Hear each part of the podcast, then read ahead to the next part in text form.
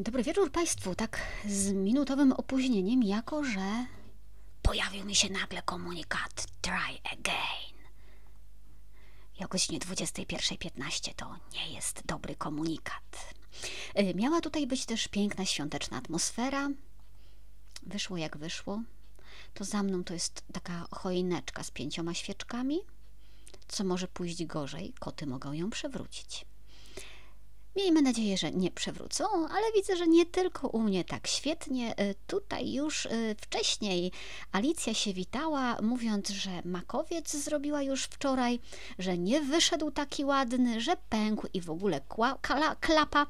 E, I że na przyszłość pani Alicja prosi o wcześniejsze informowanie, które ciasta najlepiej robić z nami. E, Pani Alicjo, umówmy się, że e, dopóki w cieście zamiast cukru nie znajdzie się sól, to modyfikujemy lekko nazwę ciasta i udajemy, że tak miało być. Proszę nazwać ten makowiec pękającym makowcem, a cała rodzina, gwarantuje, przyjdzie po przepis. I tego się trzymajmy. Któż się wita? Ania Jagoda, Alicja Invernes, Jagoda już jest Barbara. Y, Barbara motywuje do łapek w górę, owszem, ja też do tego zachęcam. Tadeusz, Magdalena, Agnieszka, Agata, Marta, e, Anna, czy będą przepisy? Przepisy to proszę Państwa możemy sobie zrobić w specjalnym kąciku. E, Ja to, jak ktoś mnie pyta, czy ja gotuję, mówię, no robię sobie coś do jedzenia, tak? Ale żeby to... Żeby to była moja pasja, to nie powiem. Robert mówi, że piesa prawie choinkę wywróciła, a widzieliśmy, widzieliśmy tę choinkę na Instagramie. Taka, wiecie, z anielskim włosiem czy z lametą. Jak to się u Was nazywało? W sumie moja największa przygoda z lametą polegała na tym, że kot ją zjadł. Nie, żaden nie z tych, taki z poprzednich. Y, Nie chcecie wiedzieć, jak się lametę wyciąga z kota z drugiej strony. Nieważne, nie brnijmy w tą. E, Rafał, dobry wieczór. Agata, e, ładne kolczyki. E, Tak, no jakoś tak miało być świątecznie. Marta też, Kasia też. Słuchajcie, się bardzo cieszę, że jesteście. Jutro jest Wigilia. Ludzie, co wy tutaj robicie? Mm, Okej, y, zaczynamy, startujemy. To jest program Reportaż z Wycinków Świata. Monika Białkowska. Przywitałam się już ze wszystkimi, mam nadzieję. Zapraszam. Y, Agata pisze, że anielskie włosy to co innego niż lameta. Oczywiście, oczywiście wiem, po prostu ja nie wiem, co jest na choince y, u Padre Roberta, jako że na zdjęciach niewyraźnie widać. To, to tutaj Robert musi nam podać. Tak, mu pisze, że anielski włos jednak. No z daleka, wejście przy minus 8. Robert przyszedł, bo szuka natchnienia do kazania. No i może to jest dobre miejsce, proszę Państwa. E, Jako, że od razu uprzedzam, ostatnio mieliście problem, wszyscy mieliśmy problem z takim jednoznacznym stwierdzeniem, czy program w Wigilię Wigilii to jest dobry pomysł, e, to myślę, że pójdziemy na kompromis. Program będzie krótszy, ale będzie, żeby w pieczeniu tych makowców tam Państwu nie przeszkadzać.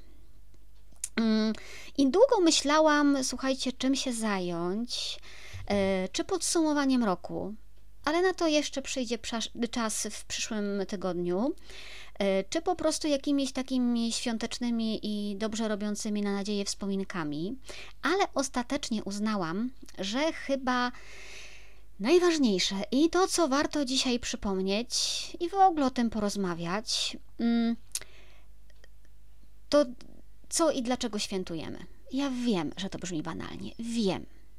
Ale już Karl Rahner pisał kiedyś, że to jest bardzo smutny znak dla teologii i smutny znak dla całego Kościoła, że mówiąc o absolutnym misterium, powtarza się do znudzenia tylko to, co już było dawno powiedziane. A prawda wiary, no ona musi żyć. Y, I prawda wiary jest zachowywana wtedy, kiedy jest ciągle czytana na nowo. Trochę podobnie przed Bożym Narodzeniem dyw- dywagował też inny teolog, Geraldo Collins, y, i on pisał, że cała fundamentalna nadzieja ludzkości spoczywa właśnie we wcieleniu. Powiem Wam, że mm, nie mam wcale pewności i nie wiem, czy Wy ją macie, a może macie albo w drugą stronę, czy stając przed żłóbkiem albo przed choinką w supermarkecie, stajemy przed nimi z taką naprawdę świadomością, że wyznajemy jedną z dwóch największych tajemnic świata obok zmartwychwstania. Że my naprawdę tego dnia wierzymy w niemożliwe. Znaczy, we wszystkie dni wierzymy w niemożliwe, ale to jest to święto. I że to niemożliwe tak naprawdę decyduje o całym naszym życiu. Bo wiecie, ten żłóbek, y, choinka, wigilia, kolendy, makowce to jest jakaś zewnętrzna forma świętowania. I to jest trochę jak papierek na cukierku. No, Boże Narodzenie kochają w zasadzie wszyscy, prawie wszyscy, bo ja niekoniecznie. I mam wrażenie, że tutaj by się znaleźli też tacy, którzy nie do końca. Nikogo nie wywołuję po imieniu, ale wiesz o kim mówię. E, ale naprawdę rozumie je chyba dzisiaj e, mniejszość. A dopiero to sedno ma smak. I Boże Narodzenie ma smak wtedy, kiedy się zrozumie, o co w nim chodzi. Dlatego też chciałabym dzisiaj porozmawiać i opowiedzieć, czym jest wcielenie i jakie z niego płyną konsekwencje. I to wcale nie będzie banalne i słodkie y, gadanie. Nawet jeżeli go będę, je będę przerywała komentarzami, jakie tutaj wyrzucacie, y, jako że Tadeusz pisze, że makowiec japoński, sernik, wuzetka, rurki już upieczone. Teraz coś dla ducha. Kto to będzie jadł i co to jest makowiec japoński? Ja bym prosiła. E, żeby wytłumaczyć. E, widzicie, uderz w stół, a nożyce się odezwą. Rafał jest z nami. Czy, czy e, poczekajcie tylko. Dobrze, już myślałam, że nie wyświetlają się Wasze komentarze, ale się wyświetlają. Dobra. Jedna rzecz, słuchajcie. Mm, podejrzewam, że teologiczny temat jak zwykle sprawi, że komentarzy będzie mniej. I będziecie mi tutaj mówić, że się zasłuchaliście. I bardzo, bardzo dobrze ale jeżeli nie zasłuchacie się za mocno, to możecie też tutaj e, składać życzenia świąteczne. Tylko wiecie, takie trochę inne. To znaczy, napiszcie, czego życzycie innym słuchaczom, napiszcie, czego życzycie światu, ale napiszcie też, czego życzycie sobie, jakie sobie byście składali życzenia na Boże Narodzenia na Boże Narodzenie, bo o sobie dobrze myśleć w tym dniu też jest dobrze. Jeżeli Bóg stał się człowiekiem, to stał się nim dla mnie. I dobrze jest mieć związane z tym nadzieję, i dobrze jest umieć te, te nadzieje nazywać. Życzmy więc sobie w komentarzach, a ja lecę z tym wcieleniem. Maria pisze, że leży w fotelu, może dom jakoś sam się ogarnie. Pan Jezus to nie sanepid, słuchajcie. Ja podejrzewam, że goście, którzy przyjdą, to też nie jest sanepid. Zaczynamy. Notesiki przygotowane? Wcielenie czasem z łaciny nazywane mądrze inkarnacją, to jest nic innego jak prawda o tym, że Jezus, druga osoba Trójcy Świętej, Bóg, przyjął ciało ludzkie i przyjął ludzką naturę. I to wcielenie jest uznawane, wyznawane we wszystkich wyznaniach chrześcijańskich, i w katolicyzmie, i w prawosławiu, e, i w kościołach protestanckich. Wierzymy wszyscy i wierzymy wspólnie, że Jezus Chrystus jest prawdziwym Bogiem i prawdziwym człowiekiem i wierzymy, że są w nim jednocześnie dwie natury, boska i ludzka. Że te natury, to też wierzymy, są zjednoczone w tak zwanej unii hipostatycznej i obiecuję, że do tej unii hipostatycznej jeszcze za chwilę dojdziemy. Najpierw o tym będzie, jak do tej prawdy y, dochodzono. Poczekajcie, bo w patyczkach kocich był prezent, to znaczy były dwa w jednej opakowaniu zapakowane, ale musicie się podzielić. Fufu, wstań, no co za leń.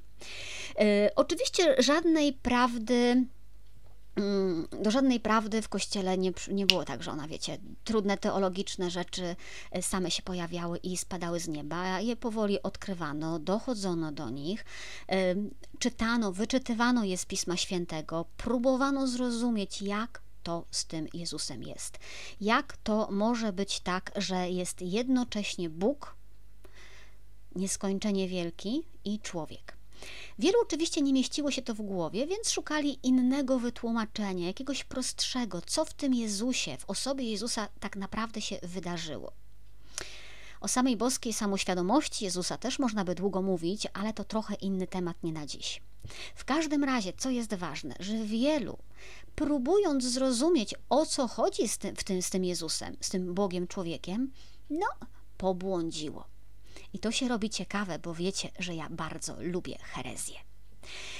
Jedną taką dużą grupą błądzących yy, są ci, których nazywamy, pewnie teraz po wiekach, adopcjanistami. To słowo przywodzi na myśl adopcję i przywodzi ją absolutnie słusznie, bo rzeczywiście mniej więcej o to chodzi. E, problem czy wątpliwości tego nurtu, one powracały naprawdę długo jak na historię Kościoła, bo powracały przez tysiąc lat.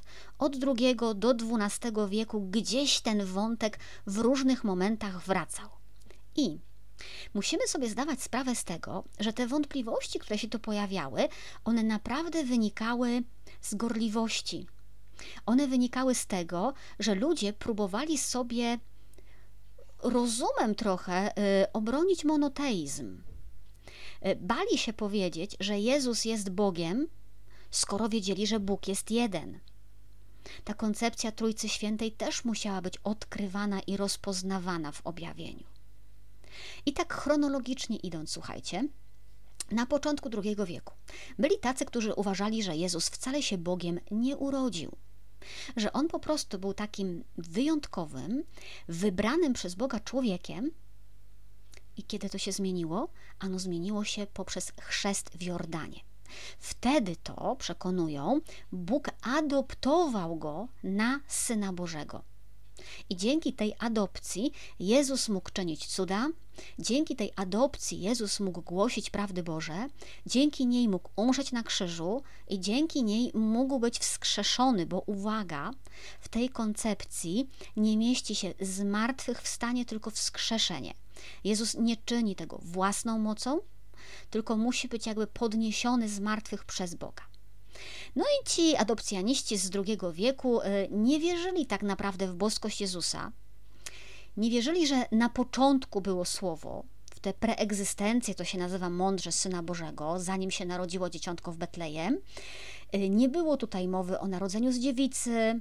E, Jezus tak naprawdę przed chrztem w Jordanie był dla nich absolutnie zwyczajnym człowiekiem. Oczywiście, że tę naukę budowali nie na tym, co sobie wymyślili, budowali je na niektórych pismach, ale wiemy, że Ewangelię Mateusza mieli bez dwóch pierwszych rozdziałów. Zajrzyjcie do tych dwóch pierwszych rozdziałów, zrozumiecie. E, świętego Pawła Starsu, no to w ogóle uważali za heretyka. Potem pojawiły się w dziejach Kościoła jakby najróżniejsze kombinacje tych poglądów adopcjanistów, y, no bo skoro Bóg jest jeden, to Jezus z Nazaretu nie był absolutem, był po prostu Jezusem z Nazaretu, y, był Mesjaszem w takim klasycznym judaistycznym wydaniu, tak? takim ziemskim wyzwolicielem, który zaprowadził na ziemi pokój, czy miał zaprowadzić pokój, został napełniony tą boską mocą potem. No oczywiście, że tu się pojawiały pytania, które pewnie też sobie postawicie. Y, czy Jezus w takim razie, zanim był adoptowany, to mógł grzeszyć? I wychodziło im, że mógł, no więc sypało nam się tutaj trochę rzeczy. Przy okazji tych tez adopcjanistów yy, wprowadzono, właściwie zmieniono formułę chrztu, odrzucając tę formę trinitarną w imię Ojca i Syna i Ducha Świętego. Potem Sobór Nicejski uznał ten chrzest za nieważny.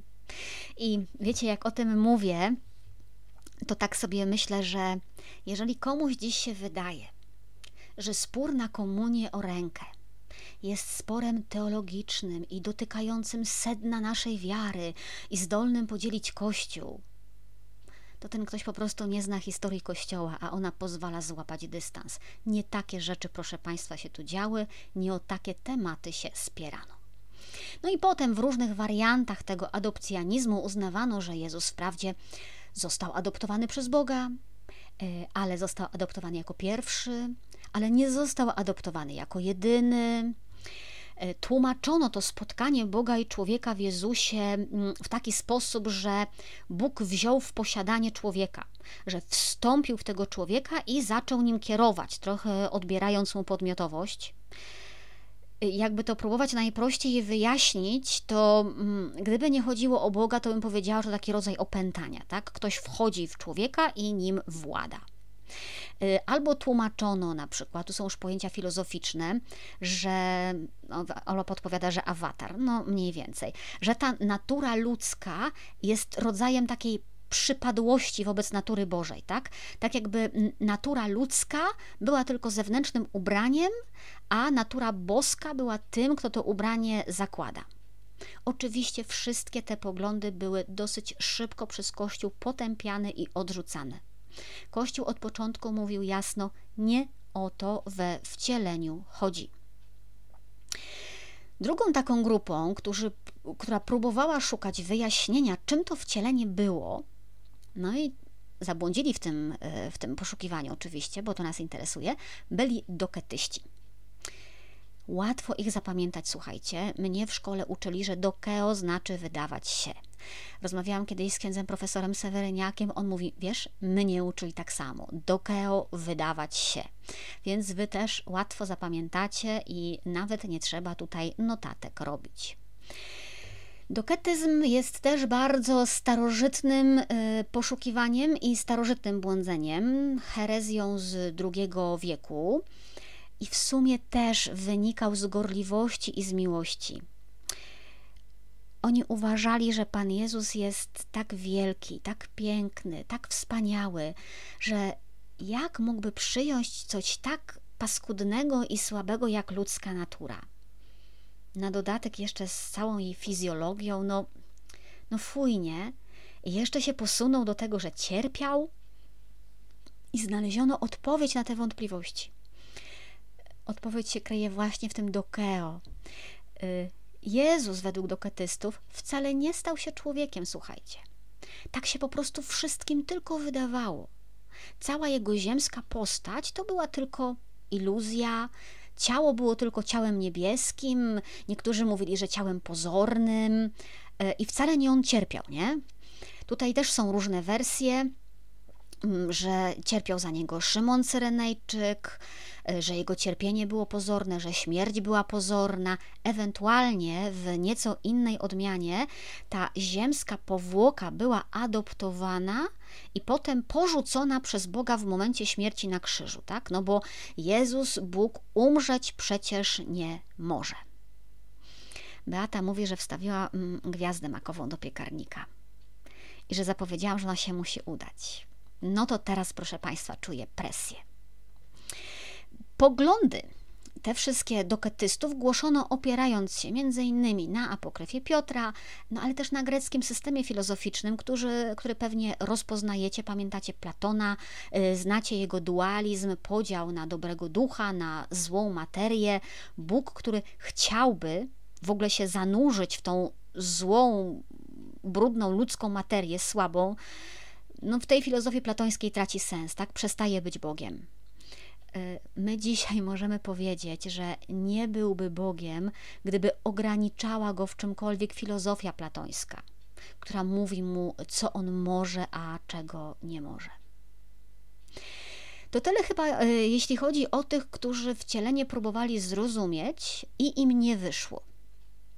Dzisiaj nowych herezji już nie ma bo mam wrażenie, że nikt nie próbuje zrozumieć pewnych rzeczy głębiej.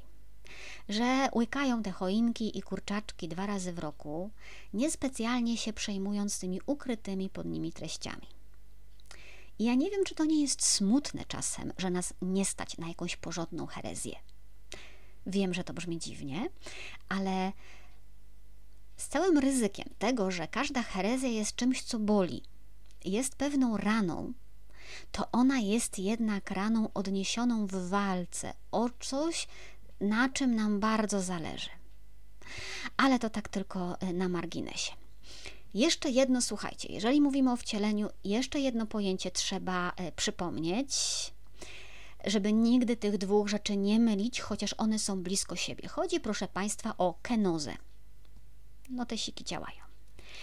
E, otóż wcielenie Gdyby zaznaczyć je na osi czasu trwania wszechświata, to wcielenie rozpoczęło się w tym szóstym albo czwartym roku przed Chrystusem e, i trwa do dziś i będzie trwać. Jezus nigdy nie wyrzekł się i nie porzucił ludzkiej natury. Jeżeli chodzi o ten rok urodzenia Jezusa, czy to był czwarty czy szósty przed Chrystusem, a nie zerowy, to ja słuchajcie, gorąco odsyłam, i tu jest tylko takie w nawiasie, do przewodnika katolickiego, do numeru świątecznego. Tam prowadzimy z księdzem profesorem Seweryniakiem właśnie długą rozmowę o tym, jak to było z tymi datami. I czy my rzeczywiście Bożym Narodzeniem zasłaniamy jakieś święta pogańskie, co się często próbuje chrześcijaństwu wmawiać. E, uwaga, i to jest wielka niespodzianka i prezent również dla Was. On polega na tym, że od pierwszego dnia świąt Bożego Narodzenia dostęp do tekstów świątecznych, do świątecznego numeru przewodnika katolickiego będzie na stronie całkowicie otwarty, więc w ramach prezentu świątecznego spokojnie możecie zajrzeć i e, poczytać. Wracając do kenozy, gdyby ją zaznaczyć na tej samej osi czasu, co wcielenie, to ono ona się rozpocznie w tym samym momencie co wcielenie, ale skończy się w momencie, no właśnie nie wiem, śmierci Jezusa albo tuż przed zmartwychwstaniem. No bo ciało Jezusa w grobie też jest jeszcze elementem kenozy. Kenoza, proszę Państwa, to jest nic innego jak takie, język biblijny powie ogołocenie, nie? Mówiąc językiem, nie wiem, współczesnych gier na przykład, to będzie rezygnacja z używania boskich mocy na czas wypełniania konkretnej misji, tak? Przepraszam, jeżeli kogoś urazi używanie tu języka gier. To jest takie zrzeczenie się przywilejów na pewien czas, które przy, przysługują mu ze względu na bycie Bogiem. I oczywiście Jezus czynił cuda, to były pewne znaki królestwa, ale on się nie okazywał na ziemi jako Bóg chwały, on się okazywał jako człowiek, chociaż mógł, tyle że nie chciał. I dokładnie tak jak my odczuwał głód, odczuwał pragnienie, był zmęczony, bolało go, y, on nawet nie miał pełni boskiej wiedzy od urodzenia. Do wielu rzeczy musiał dorastać, dojrzewać, uczyć się. Y, kenoza była, słuchajcie, dla nas ważna, bo, bo dzięki niej mogło się dokonać w ogóle odkupienie. I to był taki, mam wrażenie, największy przejaw solidarności Boga z nami. To było takie powiedzenie: Chcę przejść z wami przez to wszystko, co wy przechodzicie, i chcę przejść przez to tak, jak wy to przechodzicie. To jest kenoza a wcielenie jest złączeniem się z człowiekiem już na zawsze. E, to już nie jest tylko doświadczenie pewnego losu na jakimś etapie, ale to jest wejście w taki związek, który się nie kończy.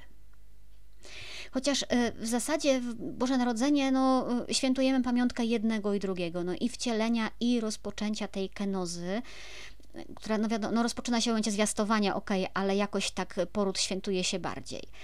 Mm, czwarte pojęcie, które jest tu potrzebne, to widzę reklama przewodnika katolickiego wchodzi, a bardzo bardzo, e, bardzo proszę, możecie reklamować. E, czwarte pojęcie. Ja wiem, że dzisiaj długi słowniczek, ale potem będzie krótko. E, wspomniałam o unii hipostatycznej. To pojęcie znają na pewno ci, którzy studiowali teologię, gdzieś się o nią otarli. Ale dlaczego to jest ważne? Bo my właśnie za pomocą tego pojęcia i Kościół za pomocą tego pojęcia definiuje to, co wydarzyło się w Betlejem. Co to znaczy, że Bóg stał się człowiekiem i że jednocześnie jest Bogiem i człowiekiem? E, dogmatyczne orzeczenia na ten temat, jak to zwykle z dogmatami bywało, nie zawsze, ale często, e, było odpowiedzią na herezję. Na te herezje, o których wspominałam też wcześniej. E, I owo orzeczenie dogmatyczne zostało wydane w 451 roku w Halcedonie. Sobór uznał wtedy, że Jezus Chrystus, będąc jedną osobą, jedną, ma w sobie dwie natury, boską i ludzką, a ich zjednoczenie, i to jest ważne, dokonało się bez zmiany, bez pomieszania, bez rozdzielenia i bez rozłączenia bez zmiany, bez pomieszania, bez rozdzielenia i bez rozłączenia. Co to znaczy? E, ano tyle, że w tym spotkaniu natur boskiej i ludzkiej, po pierwsze, żadna się nie zmieniła, każda pozostała pełna i kompletna. Po drugie, że nie pomieszały się ze sobą, tworząc jakąś bosko-ludzką hybrydę. E, po trzecie, że Jezus mimo wszystko pozostawał spójny, pozostawał jedną osobą i nie możemy próbować oddzielać, czy rozumieć, czy wyodrębniać jakoś Jezusa Chrystusa Boga od Jezusa Chrystusa człowieka. I wreszcie ten dogmat oznacza to właśnie, o czym już wspomniałam, że po wniebowstąpieniu y, natura ludzka Jezusa nie odłączy, natura, ta boska natura Jezusa nie odłączyła się od natury ludzkiej. Więc Jezus do dziś, tak wierzymy, pozostaje w pełni Bogiem i w pełni człowiekiem. Kenoza to uniżenie, rezygnacja z boskich możliwości, przejawów i chwały się skończyła, ale człowiekiem nadal pozostał. No i teraz już teologowie, proszę Państwa, mm, ciągną temat dalej i pytają, co nam to wcielenie dało? Jakie są jego skutki dla człowieka?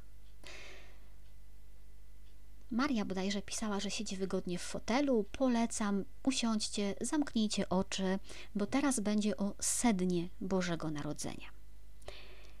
Wcielenie pierwsze, co robi, to uwalnia nas od samotności. Jesteśmy stworzeni na obraz Boga, który jest Trójcą. Jest w relacji nieustannej. Stworzeni jesteśmy więc do życia we wspólnocie, do bycia również w nieustannej relacji. W relacji między sobą i w relacji do Boga, który nas stworzył. Te relacje do Boga, jak wiemy, zerwał nam grzech pierworodny. I pale licho, y, ten obrazek y, wygnania z raju i potu, krwi, łez i rodzenia w bólu. W życiu człowieka pojawiła się wtedy samotność. Pojawiła się ta dziwna samotność, którą pewnie znacie niezależnie od tego, gdzie i jak żyjecie. Ten rodzaj samotności, na którą żaden człowiek nie potrafi odpowiedzieć, nawet jeżeli jest koło nas ktoś najbliższy. To jest taki rodzaj samotności, który gdzieś jest taką y, smutną muzyką w tle, która gdzieś czasem każdemu pobrzmiewa. I zbawienie polega na uwolnieniu człowieka od tej właśnie dziwnej, takiej upartej i nieopuszczającej nas samotności. Z samotności uwalnia się przez relacje. Z niewidzialnym Bogiem, Bogiem odległym, trudno jest zbudować relacje. Co więc robi Bóg? Staje się człowiekiem, zniża się, przychodzi tak, żeby człowiek miał do niego blisko. I od kiedy Bóg stał się człowiekiem, każdy z nas ma już możliwość przebywania w Jego obecności. To już nie jest tak jak dawniej w świątyni, że był w świętym świętych tylko, albo że był w słupie ognia. To już nie jest ten Bóg, przed którym trzeba tylko i wyłącznie zdejmować sandały. Od momentu wcielenia, od Bożego Narodzenia, to jest taki Bóg, który mówi: Wyciągnij rękę, wyciągnij rękę, a zobaczysz, że ja tutaj jestem i że jestem dla ciebie. I myślę, że to jest też y, taki znak dla nas, nie? To jest znak dla nas, żebyśmy wiedzieli, że jesteśmy ważni, że, że jesteśmy kochani. Mm, wiecie to i rozumiecie, bo doświadczacie w życiu, że jeżeli ktoś przychodzi do Was osobiście, to natychmiast rozumiecie, że sprawa jest istotna albo że coś, nie coś, że dużo dla tego kogoś znaczycie że jesteście kochani. Jeżeli ktoś załatwia sprawy z daleka, jeżeli komuś nie zależy na tym, żeby być osobiście, jeżeli komuś nie zależy na tym, żeby spojrzeć wam w oczy, to wiecie, że znaczycie niewiele. I to właśnie zrobił Bóg we wcieleniu. I mam wrażenie, że to świętujemy w Boże Narodzenie. Że nie mailem, nie SMS-em, nie przez posłańców, ale kosztowało go to bardzo dużo, ale przyszedł osobiście, bardzo blisko, żeby powiedzieć: Kocham cię, po prostu. Druga rzecz, która wydarzyła się we wcieleniu i która dla nas jest skutkiem tego wcielenia, to jest życie. Jakkolwiek to może banalnie zabrzmieć, ale to jest życie, które, które nigdy się nie kończy. Jezus łamie tę logikę śmierci, która się rozpanoszyła w grzechu pierworodnym. E, przez śmierć tak naprawdę i przez zmartwychwstanie sprawia, że i sprawił, że zło przestało już mieć głos decydujący w świecie, że zostało ostatecznie pokonane, chociaż wiadomo, że jeszcze przez następnych parę tysiącleci będzie podrygiwać na deskach i będzie pluć jadem, ale ta ostateczna walka dobra ze złem Mm, ostateczna walka miłości z obojętnością, ona już jest rozstrzygnięta. My już wiemy, kto ją wygra na końcu. No i przyznacie, że to mocno ułatwia życie, no bo wystarczy się opowiedzieć po właściwej stronie. I oczywiście, że to pokonanie śmierci nie dokonuje się w samym tylko wcieleniu. Ono się nie dokonuje e, w samym Bożym Narodzeniu. To się staje w momencie y, zmartwychwstania, ale bez wcielenia no, nie byłby możliwy żaden następny krok. To jest Boże Narodzenie. To jest taki wielki początek zwyciężania miłości w świecie. To jest początek zwyciężania życia. I mam wrażenie, nie, nie mam wrażenia, mam pewność. Mam pewność, że to nie jest przypadek, że na niektórych ikonach y, Bożego Narodzenia, gdzieś daleko w górze nad grotą Narodzenia, umieszcza się krzyż. Y, co więcej, mam wrażenie, że bez tego cienia krzyża y, betlejemska stajenka traci to najgłębsze, najgłębsze swoje znaczenie i nie mówi nam wszystkiego. I jest jeszcze trzecia rzecz, która jest skutkiem tamtych dwóch poprzednich. Człowiek samotny, człowiek skazany na śmierć, y, to jest człowiek, który nie ma już żadnej nadziei. Żadnej nadziei. A z nadzieją to jest, proszę Państwa, tak. Jak to było w pewnym eksperymencie, o którym kiedyś czytałam i teraz specjalnie go dla Państwa wyszukałam, prowadził go Kurt Richter w 1957 roku. I tenże pan wziął szczury, i każdego z nich wsadził do pojemnika z wodą.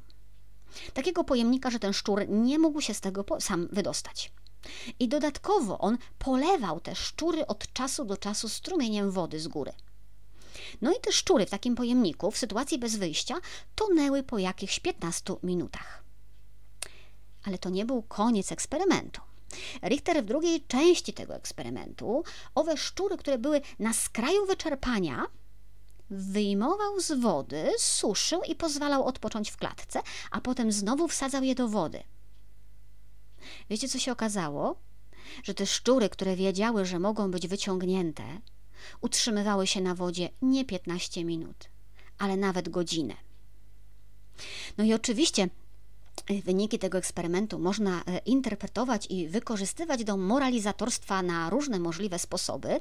E, niektórzy będą tutaj przekonywać, że chodzi o motywację, że szczury miały cel, e, że wiedziały, że mogą kontrolować swój los. Ja bym tak daleko nie szła w sugerowaniu tego, co myślały szczury i jak definiowały swój życiowy cel. Bliższa byłabym jednak tym, którzy twierdzą, że Szczury miały coś w rodzaju nadziei, to znaczy one już wiedziały, doświadczenie im pokazało, że ocalenie jest możliwe. Jak wiedziały, że ocalenie jest możliwe, to wtedy walczyły. I tak działa nadzieja. Oczywiście ktoś może zapytać, dlaczego opowiadam Wam o szczurach na Boże Narodzenie. Bo to ja, y, bo to ten program. No i tu zawsze się pojawiają dziwne skojarzenia. Przepraszam. E, ale tak serio to opowiadam o szczurach, żebyśmy sobie uświadomili, jaka ważna jest w życiu nadzieja. Bo my tak naprawdę we wcieleniu i w Bożym Narodzeniu jesteśmy uwolnieni od tego takiego e, szczurzego, bezsensownego machania łapkami w pojemniku, z którego nie mamy wyjścia, bo dostajemy tę nadzieję. Nie jesteśmy samotni, wiemy, że śmierć nas nie pokona, i że jest ktoś, kto nawet z największego bałaganu wyciągnie nas. I nie po to, żeby nas osuszyć i za chwilę kazać pływać znowu, ale żebyśmy już byli szczęśliwi. No i oczywiście, że to jest życie, nie? I że nie ma ideałów. I jedni będą machać tymi łapkami krócej, a inni dłużej. E, innym się będzie więcej tej głowy lało na łeb, innym mniej. Ale dzięki Bożemu Narodzeniu wiemy, że mamy o co walczyć i mamy pewność, że, że ta ręka wyciągająca nas z pojemnika przyjdzie na pewno. I dopiero wtedy to życie ma sens. Ono nie jest takim e, bezsensownym, skazanym na porażkę chlapaniem się w wodzie bez wyjścia. Karl Rahner napisze, że e, dzięki nocy Bożego Narodzenia każda noc człowieka, wewnętrzna czy zewnętrzna, zostaje przemieniona bo Bóg wypełnia każdą pustkę obietnicą nowego dnia. I mówi, że nie ma na świecie już takiej ciemności, w której się światło nie pojawia. Myślę, że to można powiedzieć jeszcze prościej, że Bóg po prostu nie chce, żebyś był samotny, że Bóg, że Bóg się ciebie nie boi, że Bóg się ciebie nie brzydzi, że Bóg zgadza się we wcieleniu, i to jest chyba ważne. On się zgadza na każde ryzyko. Również na to, że go nie uszanujesz, że go odepchniesz, że go dotkniesz brudnymi rękoma. On się na to zgadza. On się zgadza na to, bylebyś tylko ty nie był sam. Wiecie, to jest taki obrazek trochę jak mama, która siedzi przy wściekłym dziecku, ono wrzeszczy, ono na nią pluje, ono ją się, będzie się rzucało na nią z pięściami, a ona się nie obraża i nie odchodzi. Bo ona po prostu jest mamą i jest nią na zawsze. A Bóg robi więcej niż mama, e, bo mama nie uwolni dziecka od chorób, nie uwolni od cierpienia, nie uwolni od śmierci i nie sprawi, e, że będzie żył wiecznie a ten, który przychodzi we wcieleniu, to i owszem. I to są te najważniejsze prawdy Bożego Narodzenia. Hmm, przynajmniej dla mnie. Jeżeli ktoś wyciągnie coś z tego dla siebie, to będzie cudnie. Jeżeli nie, to, no to wiecie, że w internetach i nie tylko w internetach są inne miejsca. Ważne jest, żeby szukać, żeby czytać i żeby coś dla siebie znaleźć mądrzejszego niż tylko najładniej ubrana choinka i mądrzejszego niż sernik. E, program zapowiadałam, że będzie krótszy, żeby na ten sernik czy makowiec wystarczyło Wam czasu. Mam nadzieję też, że pies Pawła nie będzie miał mi za złe e, ciut krótszego spaceru. Rozkład jazdy na następne programy jest taki, moi drodzy, że jakby to ładnie powiedzieć, Wigilia i Sylwester uprzejmie w tym roku niczego nam nie zakłócają, więc pozostajemy w zwykłym rytmie. E, w poniedziałek o 21.15 naszym gościem będzie Marcin Perfuński, znany bloger Super Tata TV. Mm, ostatni program o edukacji wzbudził tyle Waszych emocji, że pociągniemy z Marcinem ten temat dalej, skupiając się głównie na edukacji domowej. Możecie już szykować pytania, również trudne pytania, bo Marcin jest tutaj specjalistą. A w czwartek, czyli w Wigilię Sylwestra, spotkamy się na podsumowaniu roku, takim subiektywnym zestawieniu, może mi się uda, dziesięciu y, najlepszych i dziesięciu najtrudniejszych wydarzeń tego roku. Y, to będzie mój absolutnie subiektywny ranking ale możecie w ramach e, zadania domowego przygotować własne rankingi i również się nimi podzielić. A od nowego roku, słuchajcie, program wraca do absolutnie normalnych trybów. Moja książka pofrunie do wydawnictwa. Pozostanie nam wszystkim tylko czekać na to, kiedy będzie ją można wziąć do ręki. E, I przyznaję, że już e, bardzo się na ten powrót do normalności cieszę i bardzo Wam dziękuję i za cierpliwość, i za wyrozumiałość w tym trudnym dla mnie czasu, czasie. A na Boże Narodzenie, kochani, e, życzę Wam chyba po prostu nadziei, nie? E, nadziei na to, że, że to nasze machanie łapkami w naczyniu, które się czasami wydaje naczyniem bez wyjścia, że ono jednak ma sens. No bo umówmy się, nie? Dlatego tu jesteśmy, że wierzymy, że ma sens. Trzymajcie się ciepło, spędźcie dobre święta z rodziną. E, pamiętajcie, że tu chodzi o wcielenie, czyli jedną z dwóch największych tajemnic wszechświata i pęknięte makowce nie mają tu najmniejszego znaczenia, a my widzimy się w poniedziałek już po świętach, napuchnięci po tych makowcach i sernikach. Dobrej nocy.